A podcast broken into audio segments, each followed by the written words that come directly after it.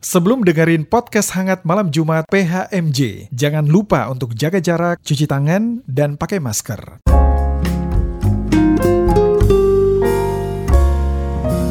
Podcast hangat malam Jumat. Selamat malam Sobat Hangat, apa kabarnya nih? Semoga selalu baik-baik aja ya Sobat Hangat. Nah Sobat Hangat semua tidak bosan-bosannya nih kita mengingatkan kalian untuk tetap menjaga protokol kesehatan ya. Dari hal kecil aja deh, contohnya memakai masker dan jangan bosan-bosan untuk selalu mencuci tangan. Nah Sobat Hangat, tanpa berlama-lama diriku mau bertanya nih, dari kalian semua, ada gak sih yang pernah dengar tentang toxic relationship? Waduh, kok berat banget sih kak? Apa sih tuh kak artinya? Wah udah banyak banget dengan pasti pertanyaan. Nah Sobat Hangat pasti ada juga dong yang belum pernah mendengar kata-kata ini sebelumnya. Apa sih artinya toxic relationship? Sama apa aja sih yang bisa terjadi gitu kan? Terus bagaimana kita tahu terus kapan kita harus sadar kalau kita ada di toxic relationship ini sendiri kayak gitu. Terus gimana sih cara menghindarinya? Waduh, daripada bingung-bingung kan, daripada banyak-banyak eh, pertanyaan dari sobat hangat semua, kita akan bahas nih di topik kali ini. Nah, sobat hangat, eh pada malam hari ini kita eh, diriku tidak sendirian juga, kita akan ditemani dengan narasumber kita. Siapa yo? Ya, narasumber kita yang pertama adalah Kak Grace Sabah. Halo Kak Grace, apa kabar? Halo, malam Kak Kejo baik. Gimana kakak kabarnya? Puji Tuhan baik. Nah, sekaligus untuk menerangi firman Tuhan pada episode malam hari ini ada Ibu Pendeta Dina. Halo Ibu, apa kabar? Puji Tuhan baik Kak Kevin. Puji Tuhan. Waduh, bakal seru nih ya malam hari ini ya. Pastinya akan kita kupas eh, tentang episode toxic relationship nih. Nah, eh, bakal seru banget. Jadi pasti de- Sobat Hangat juga bakal baik yang bertanya. Mungkin kita akan menjawab pertanyaan Sobat Hangat di beberapa menit ke depan. Oke, jadi jangan ke mana-mana. Tetap di PHMJ, Podcast Hangat. Malam Jumat.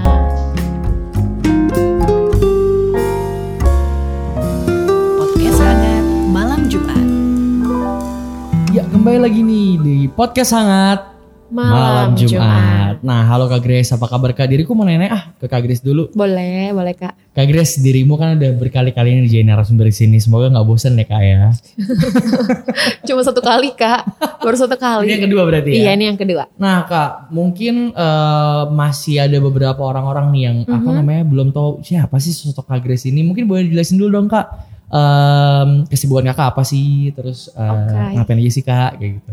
Oke, halo malam semua. Jadi namaku Grace Bersyawa Martina Haba.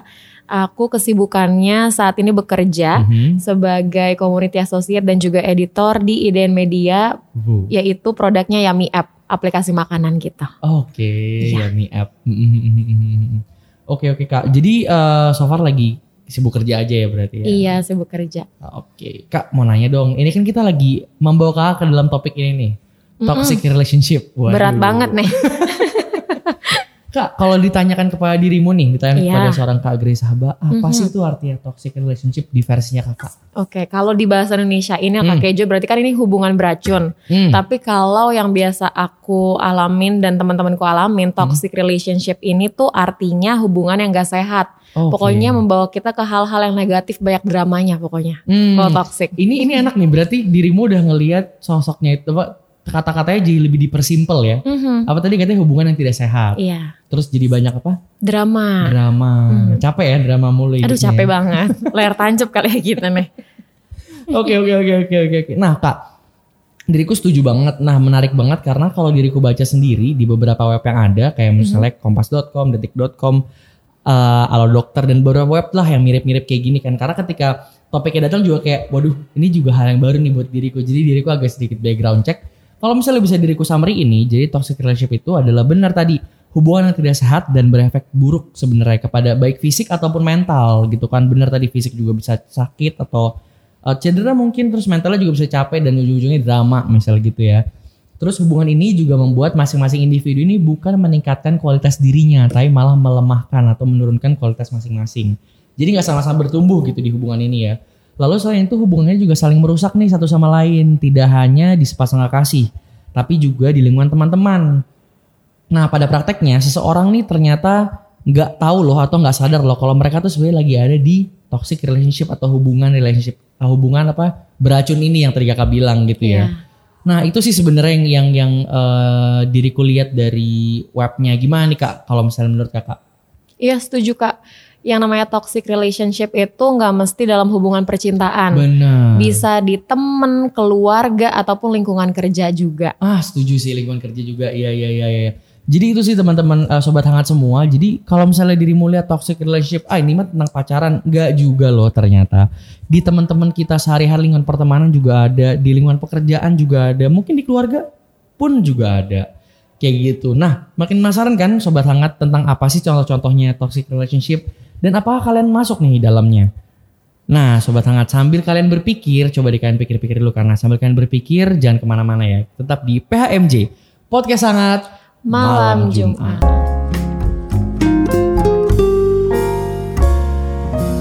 Podcast hangat malam Jumat. Halo sobat hangat, kembali lagi di PHMJ Podcast Hangat Malam Jumat. Nah, sobat hangat tadi kita udah jelasin secara singkat nih apa sih arti dari toxic relationship gitu kan. Sekarang kita udah makin tahu lah ya, udah makin jelas oh ini toh toxic relationship. Oh ini toh ternyata hubungan yang beracun itu atau yang tidak sehat itu kan. Sekarang kita pengen gali lebih dalam lagi nih bersama dengan narasumber kita Kak Grace. Nah Kak Grace bertanya lagi dong Kak, kalau misalnya penjelasan singkat tadi nih, dari penjelasan singkat tadi yang kita udah diskusin bareng, menurut dirimu gimana sih ciri-ciri toxic relationship itu sendiri? Oke, berarti ciri-ciri orangnya ya Ciri-cirinya kak ya. ya. Ha-ha. Orangnya boleh, abis itu mungkin hubungannya gimana sih gitu? Mungkin lebih ke orang kali ya, karena Iya. kamu lihat orangnya jadi berubah atau gimana? Gimana? Kalau toxic people kita sebut ya, ya, Oke. toxic people itu biasanya segala sesuatunya berlebihan. Mhm. Kayak cemburu berlebihan, bohong berlebihan, pokoknya segala sesuatu yang berlebihan dan itu halnya negatif. gitu Oh, kak. Kalau oke. menurut aku ya. Hmm, menurut kamu kayak gitu ya, pokoknya semua yang di overreact dan segala macam Iya, tuh kayak itu toxic, aja. toxic. Ah, oke oke oke oke oke. Nah, mungkin kita eh, tanya juga di sini karena ada Kak Norika juga nih kayaknya dia udah mulai ngeliat-liat juga nih apa sih toxic relationship gitu kan. Dari tadi itu soalnya sobat hangat ketika offline tuh dia banyak banget bertanya, "Iya loh Kak, gini gini gini." Diskusinya banyak ya. Ada pengalaman kayaknya, ya Kayaknya. kak ya. Kayaknya mungkin ada pengalaman nih gitu. Nah, Kak Norika mau nanya dong Kak, ini pertanyaan umpan lambung nih. Kak, em, menurut dirimu gimana sih Kak ciri-ciri toxic relationship itu sendiri dan apa sih maksudnya yang dirimu tahu tentang toxic relationship? Tadi kan udah dijelasin nih sebentar. Gimana Kak? Wah kayaknya kalau aku sama deh kayak eh, sama kayak Kak Grace deh kayaknya Kak. Masih Oke. sama kayak Kak Grace, kayak terlalu banyak bohong kayak gitu-gitu yang udah udah udah nggak sehat gitu sih. Mm-mm. Terus eh, mungkin salah satu pasangannya masih terlalu sering ngalah, terus nggak dapetin support dari pasangannya gitu-gitu sih Kak. Oh, Oke oke oke oke oke. Terus kamu ada ada ada teman yang kayak gitu kah atau ada pengalaman kayak gitu kah? Temen sih kayaknya ada ada pernah denger cerita gitu dia dia dia cerita tentang pasangannya Mm-mm. yang apa udah ya udah nggak sehat aja hubungannya udah pasangannya udah sering bohong dan dia cuman kayak ntar dia berubah deh ntar dia ini Aduh. kayak udah dilanjutin aja padahal sebenarnya itu tuh udah toxic gitu kak Hmm, hubungannya udah toxic banget ya. Oke oke oke oke. Thank you banget nih Kak Norika. Thank you juga Kak Grace. Waduh mantep. Kak Norika sampai deg-degan tadi ya. Saya tanya depan Langsung kaget.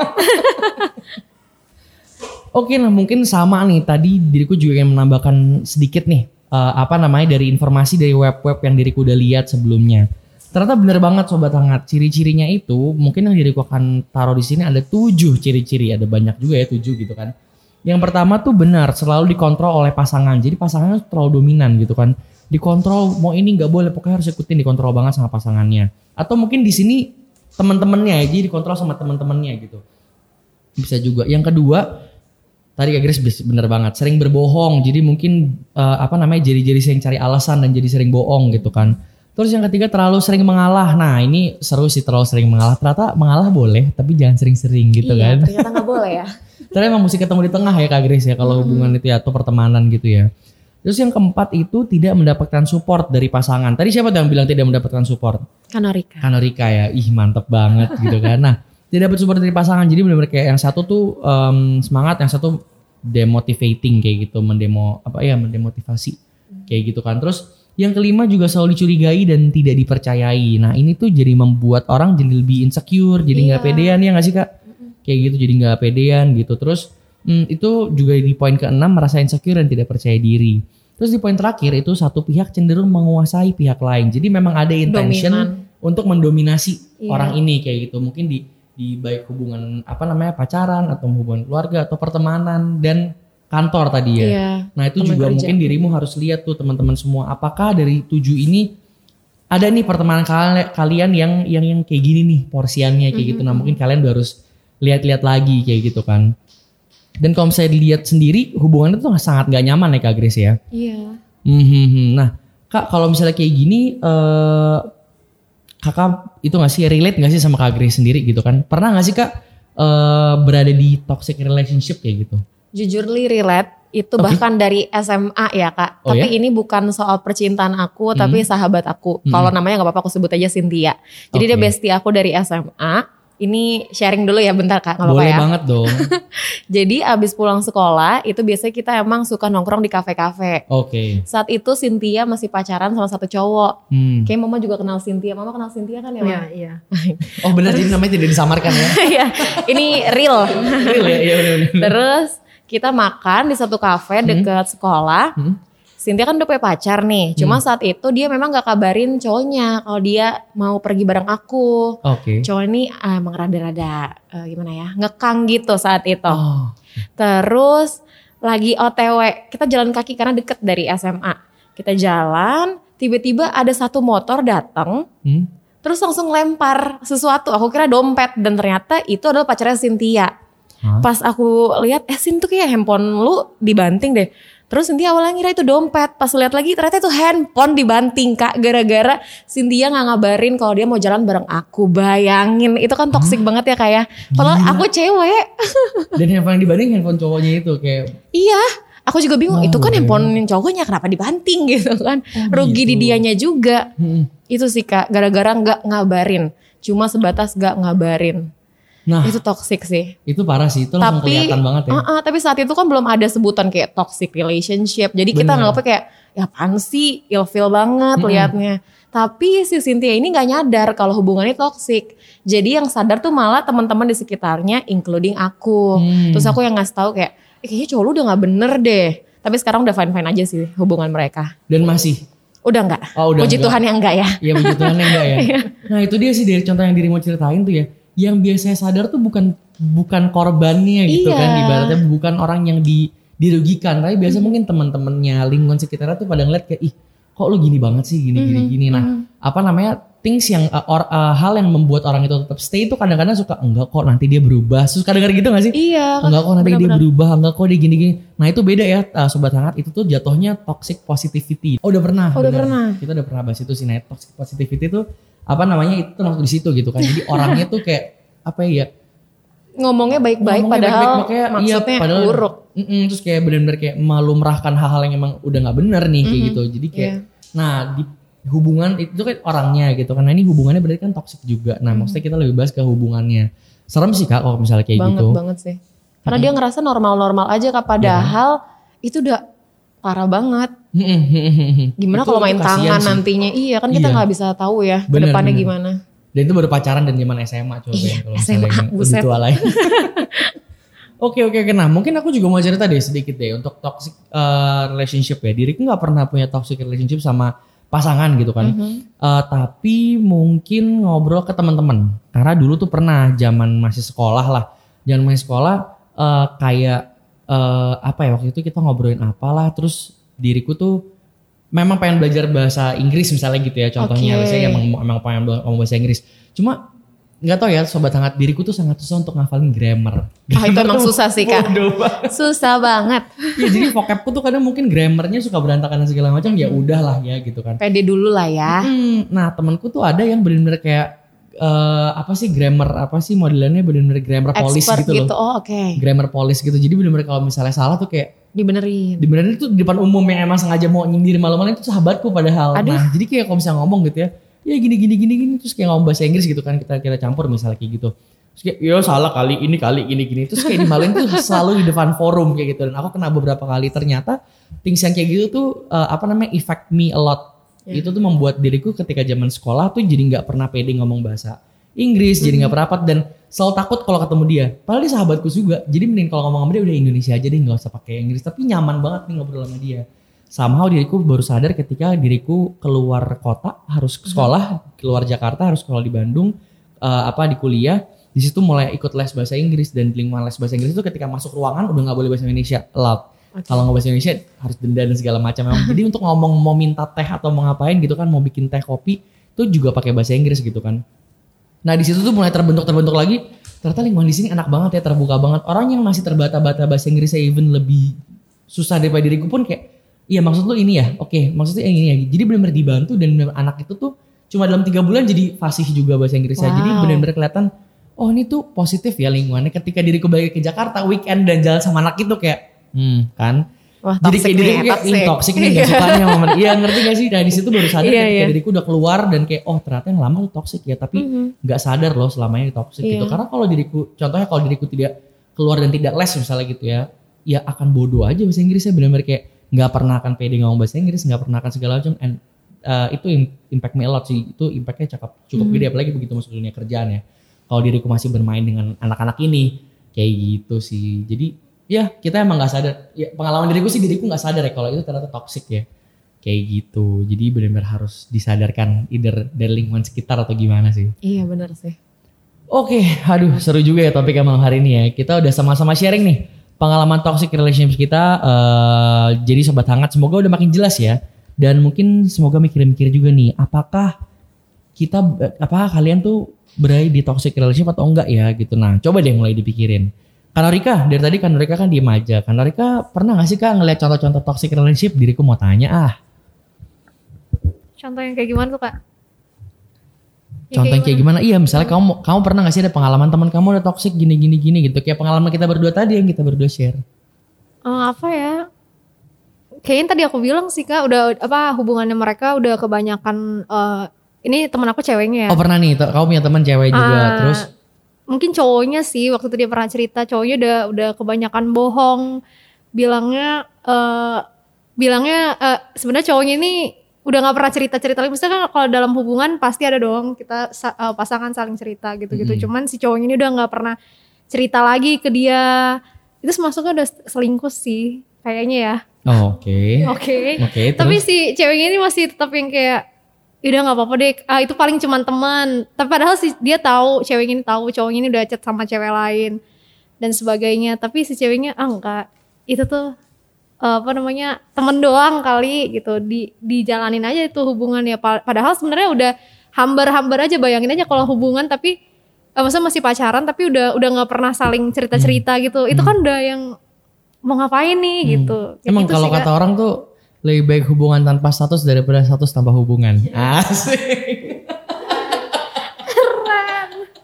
speechless kita Oke oke, oh jadi dirimu juga pernah ya temennya ada yang kayak gitu dalam dalam apa namanya toxic relationship Iya ya. betul. Tapi Hmm. puji Tuhan sih udah nggak sama ini lagi dia. Dia disadarkan sama apa tuh pada saat itu? Disadarkan karena dia diputusin sama cowoknya akhirnya. Baru dia sadar besok gila eh orang ini gini, Ah, gini, gini. karena setelah diputusin sama cowoknya, cowoknya ternyata jadian juga sama cewek ini yang sering dichatin sama cowoknya ini. barulah di situ terlihat. Barulah di situ terlihat. Lebih ke Iya selingkuh sih betul. ya bener ya. Oh ternyata gitu. Oke oke Gitu. oke oke oke. Wah seru ya. Jadi mungkin eh, menjadi bahan pikiran sendiri nih sama sobat hangat di rumah nih kayak, hmm, diriku ada nggak ya di toxic relationship ini gitu kan? Dan baik lagi deh, ini tuh nggak cuma di hmm, apa ya, nggak cuma di Percintaan. percintaan ya, tapi ada di teman-teman tadi contohnya diriku, habis itu ada di kantor mungkin ada nggak yang punya contoh kantor di sini yang toxic relationship di kantor? Ah, untungnya nggak ada sih kak. Kalau ada aku. ya. Hmm, ini eh, sebelah saya ada kakak Mesak dan kakak Oke. Farel juga saling tunjuk menunjuk satu sama lain kebetulan ya. Ada apa tuh? Mereka takut ada umpan lambung ke mereka seperti ya. Dan kayaknya nggak ada ya kakak Mesak ya.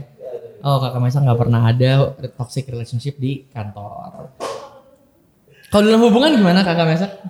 Waduh dia ketawa-ketawa loh. Dicowel nggak tuh? Dicowel nggak tuh? Iya. Nah, eh, sobat hangat, gimana nih refleksinya balik ke kalian masing-masing nih? Apakah kalian pernah ada atau pernah melihat teman-teman yang di yang di dalam toxic relationship sendiri kayak gitu kan? Jadi mungkin kalau ngeliat teman-temannya boleh dikasih tahu, boleh diingetin pelan-pelan gitu kan? Secara dia juga nggak tahu kalau dia tuh lagi di dalam toxic relationship kayak gitu kan? Dan kalau misalnya kalian sendiri yang ternyata eh apa ya, mulai melihat ih kok nih ciri-cirinya relate banget nih sama ke, ke- ke- kejadian gue ibaratnya gitu ya.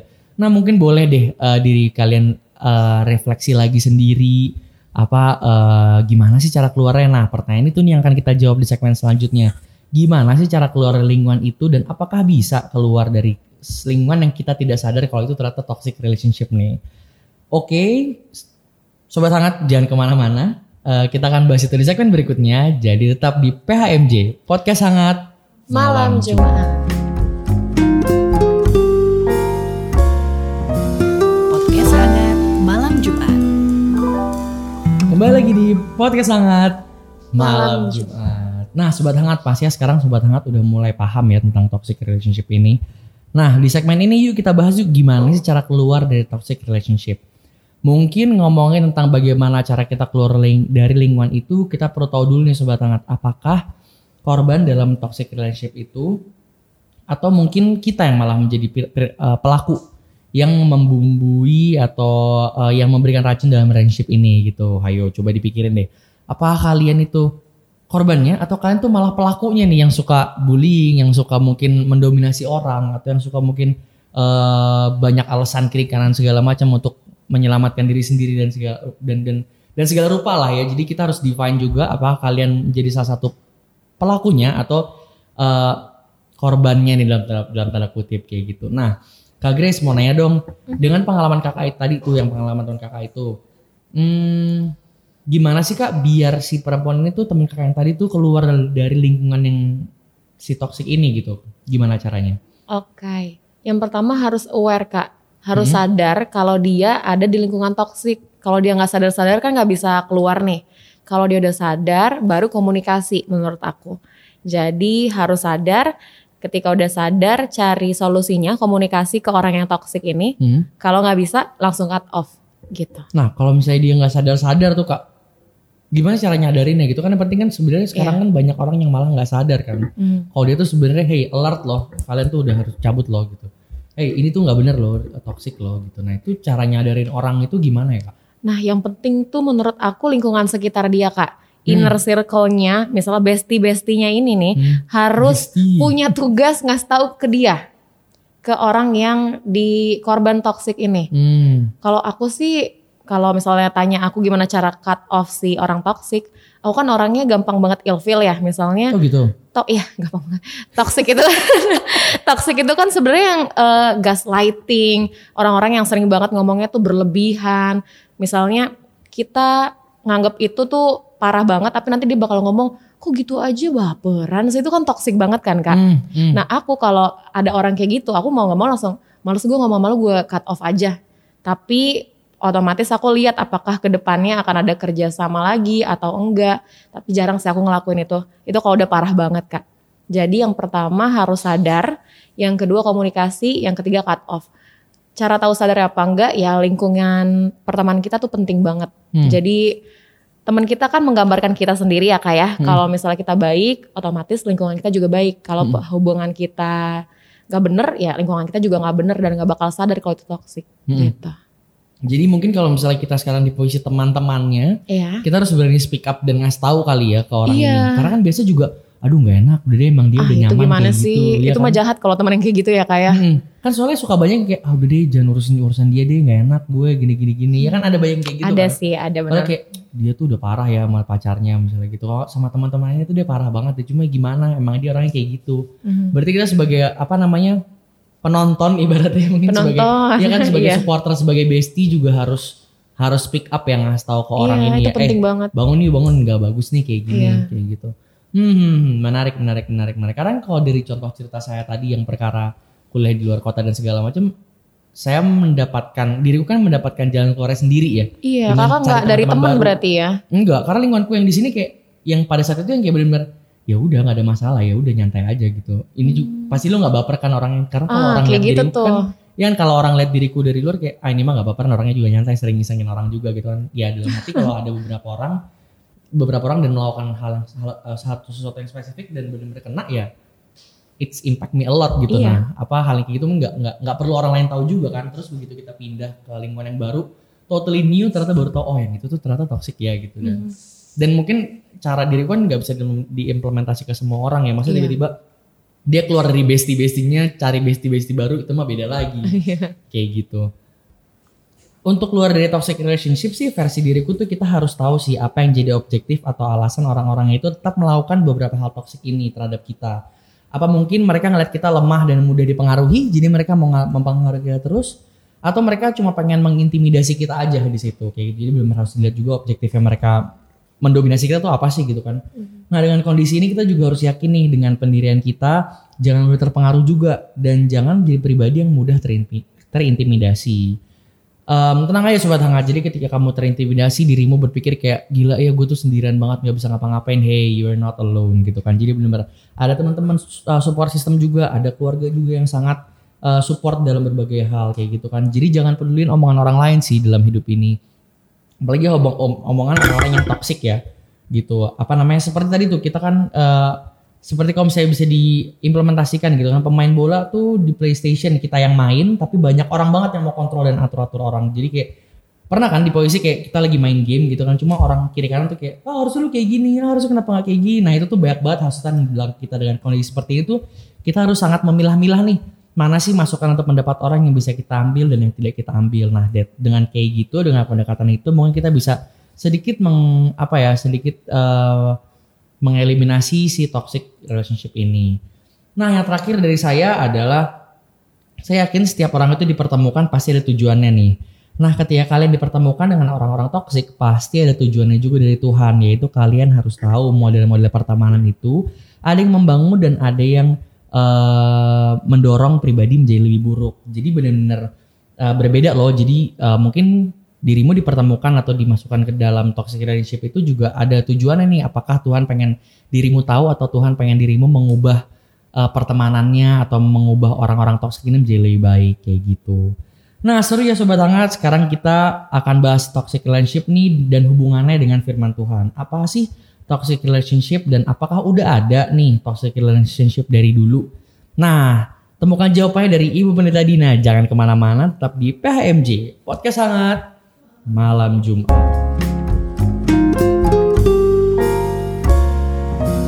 Podcast hangat malam Jumat. Halo sobat hangat, balik lagi di PHMJ Podcast Hangat malam, Malam Jumat. Nah nggak kerasa nih kita udah masuk ke segmen 4 yaitu segmen terakhir. Ibu sebelum sobat Iya. sebelum sobat hangat dan kita semua mendengarkan tentang firman Tuhan eh, tentang eh, toxic relationship ini, eh, mau nanya dong bu, eh, apa namanya? Apakah toxic relationship ini tuh udah ada sebelum sih dari zaman-zaman dulu gitu kan. Mungkin eh, itu sih saya itu sih pertanyaan-pertanyaan pembuka saya ya. Apakah emang ini dari dulu gitu kan? Atau baru-baru ini aja nih karena berkembangnya teknologi dan segala macam manusia kayak Iya, gitu kan. Nah, mungkin bisa dilanjutkan lagi bu langsung dengan firman Tuhan. Iya. terima kasih bu. Eh, manusia diciptakan oleh Allah. Dalam hari ke-6 itu Tuhan katakan sungguh amat baik. Beda dengan ciptaan hari pertama, hari kedua sampai hari kelima, selesai menciptakan Tuhan katakan semuanya baik. Tapi pada waktu manusia diciptakan, Tuhan katakan sungguh amat baik. Berarti kita manusia ini berharga di mata Tuhan. Kita beda dengan ciptaan yang lain. Tapi sejak manusia jatuh dalam dosa, hubungan itu rusak. Mati. Mati di sini artinya putus hubungan dengan Allah. Walaupun kita masih hidup, masih bernafas, tapi kalau putus hubungan dengan Allah tidak ada maknanya. Sejak manusia jatuh dalam dosa, hubungan itu selalu saling menyalahkan satu dengan yang lain tanpa disadari. Waktu Tuhan tanya kepada Adam, Adam bilang itu Hawa. Waktu Tuhan tanya kepada Hawa, Hawa bilang itu ular. Jadi hubungan itu dari awal sudah saling menyalahkan. Kita lihat tokoh di Alkitab juga dalam perjanjian lama, Raja Israel yang pertama, siapakah namanya? Saul. Oh. Saul ini dia seorang yang eh, gagah perkasa, tetapi dalam kepemimpinan selanjutnya Tuhan menolak dia. Dia berkali-kali mau membunuh raja Israel yang kedua, Daud. Tapi kalau kita melihat justru dalam proses perencanaan itu, justru kalau Saul ini sakit, Daud itu yang memainkan kecapi, menghibur. Itu obat. Dalam firman kan hati yang gembira adalah obat. Jadi terkait dengan tema percakapan kita hari ini, hubungan yang tidak sehat itu sudah ada dalam Alkitab. Hubungan antara Saul dengan Daud itu, Saul itu tidak sehat kepada Daud. Tapi Daud itu tidak tidak membalas jahat dengan jahat. Bahkan sudah ada lawan di depan dia yaitu Saul. Dikatakan saya tidak mau mengapa-apakan orang yang diurapi Tuhan. Itu berarti dia menghargai orang yang sudah diurapi Tuhan. Jadi berkali-kali Saul hendak membunuh Daud, tapi Tuhan selalu berada di pihak Daud. Makanya dalam Mazmur 23 itu kan mengungkapkan bagaimana Daud berharap kepada Tuhan bahwa Tuhanlah gembala yang baik, takkan kekurangan aku sekalipun aku berjalan dalam lembah kekelaman aku tidak takut bahaya sebab gadamu dan tongkatmu itulah yang menghibur aku. Jadi pergaulan yang hubungan yang sehat dan yang tidak sehat itu ada sejak manusia jatuh dalam dosa. Nah, sekarang kita melihat baru muncul tapi itu sejak dalam konteks firman juga sudah disampaikan. Bagaimana cara kita untuk melihat hal yang sehat dan yang tidak sehat? Pakailah kacamata iman. Untuk membedakan ini sehat nggak? Kalau ini tidak sesuai dengan firman jangan masuk dalam pergaulan tersebut. Dasar firman Tuhan yang boleh kita lihat di Amsal 13 ayat 20. Amsal 13 ayat 20. Siapa bergaul dengan orang bijak akan menjadi bijak. Siapa berteman dengan orang bebal menjadi malang. Salomo yang menulis kitab Amsal ini mengajak pada kaum muda, mengajak kepada kita semua supaya bergaul dengan orang bijak, maka kita menjadi bijak. Tapi kalau kita bergaul dengan orang jahat, dua kemungkinan bisa kita terlibat jahat atau kita menjadi terang untuk mereka di sana. Lebih mana yang berat? Lebih banyak menjadi terang atau menjadi ikut-ikutan menjadi hal yang salah? Iman kita harus kuat dulu baru kita bisa terjun dalam hal itu. Caranya bagaimana? Bergaul akrab dengan Tuhan melalui firman. Di dalam eh, hubungan yang tidak sehat itu bisa juga dalam hidup keluarga. Hidup suami istri kalau hubungan yang tidak sehat itu kira-kira apa saudara-saudara? Ya? Perkataan-perkataan yang tidak sehat. Nggak saling support. Ya. Ngomongnya kasar. kasar, cemburu berlebihan, eh, iri dan seterusnya. Perkataannya selalu tajam, tidak mau membangun, selalu menjatuhkan. Itu perkataan-perkataan yang tidak sehat. Bagaimana caranya keluar dari perkataan yang tidak sehat itu kepada perkataan yang sehat? Boleh kita lihat juga dalam pengkhotbah.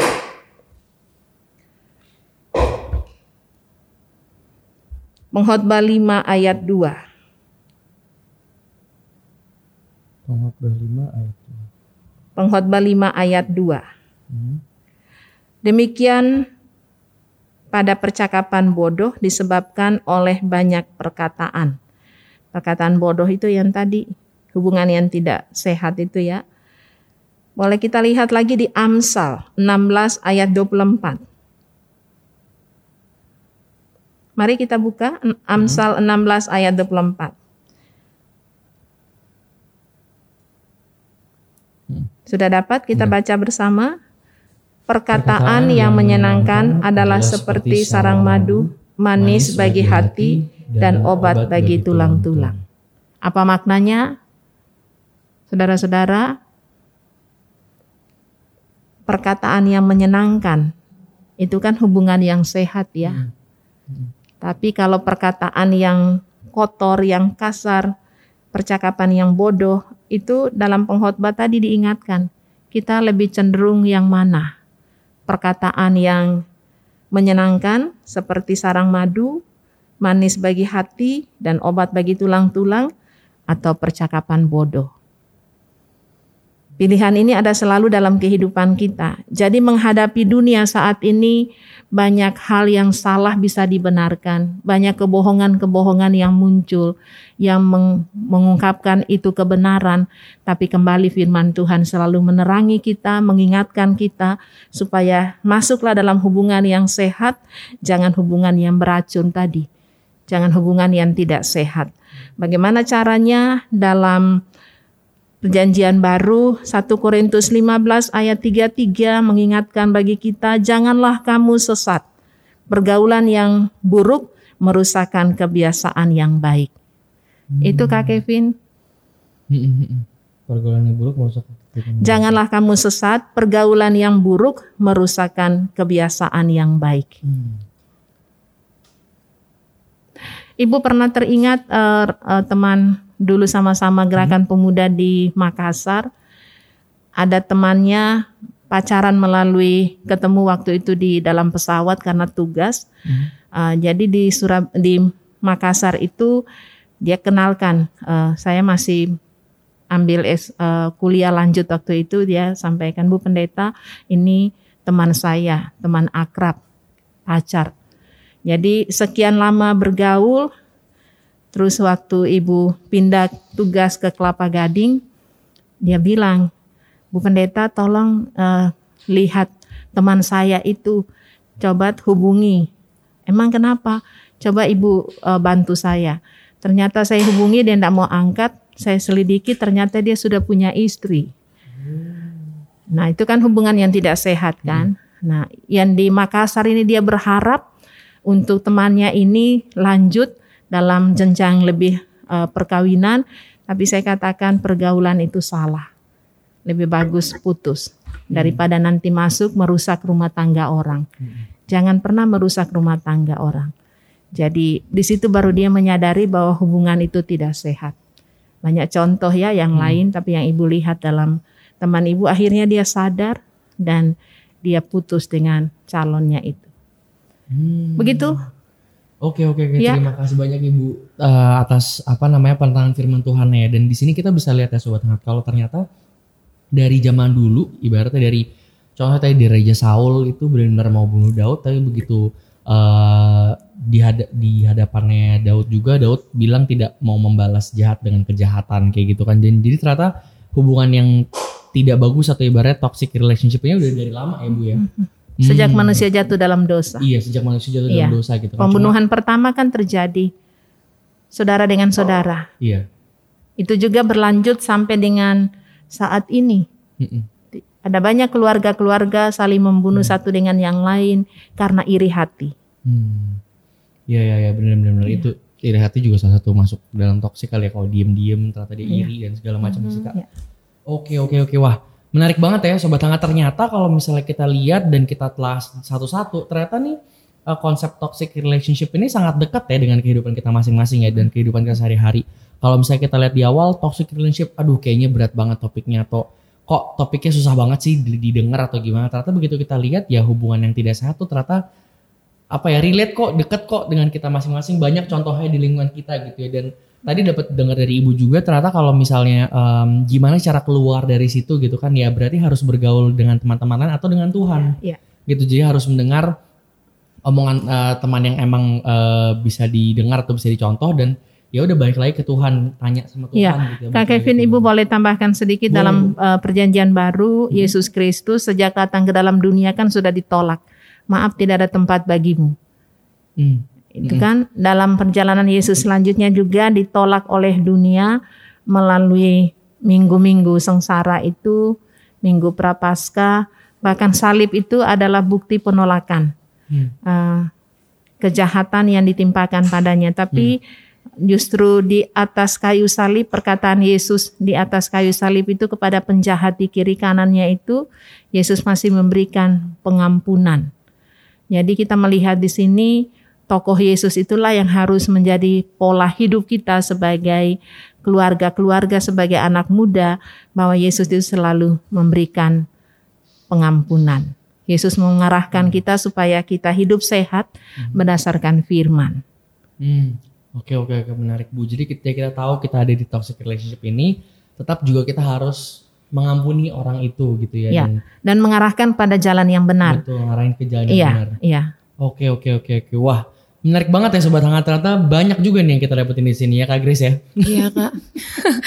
lagi dengerin lagi. Oh iya Lagi benar, dengerin ya. benar. Makin mau mulai makin berasa ya Kak kayak oh iya ternyata deket ya sama lingkungan sekitar ya dan Iya, banyak benar. contohnya jadi ya.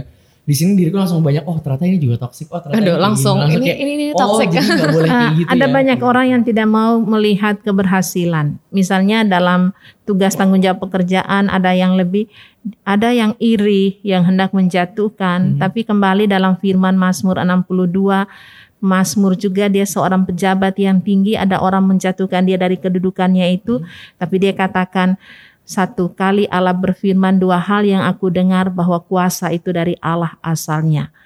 Dia hanya mengandalkan eh, kekuatan dari Tuhan, hanya dekat Allah saja aku tenang. Jadi ada pergaulan yang sehat, ada yang tidak sehat, tapi pemazmur di sini dalam Mazmur 62 dia mau mengandalkan Tuhan dan dia yakin bahwa Tuhan yang tempatkan dia dalam kedudukannya itu Tuhan yang menjadi pembela walaupun ada banyak orang yang ingin menjatuhkannya. Mungkin dalam hidup pekerjaan usaha-usaha yang kita jalani ada juga banyak orang yang iri, tapi mari kita belajar hanya dekat Allah saja aku tenang. Aduh, puji Tuhan, puji Tuhan. Oke. Ya. Wah, Ibu, terima kasih banyak Bu. Banyak banget nih masukan dari firman Tuhan, penerangan firman Tuhan pada malam hari ini ya, Bu ya. Terima kasih banyak Ibu sudah menerangi semua Terima dan kasih. Dan ternyata mem- memperjelas lagi ya toxic relationship hubungannya dan ternyata banyak contoh juga di Alkitab yang kita bisa uh, perhatikan dan kita bisa pelajari gitu.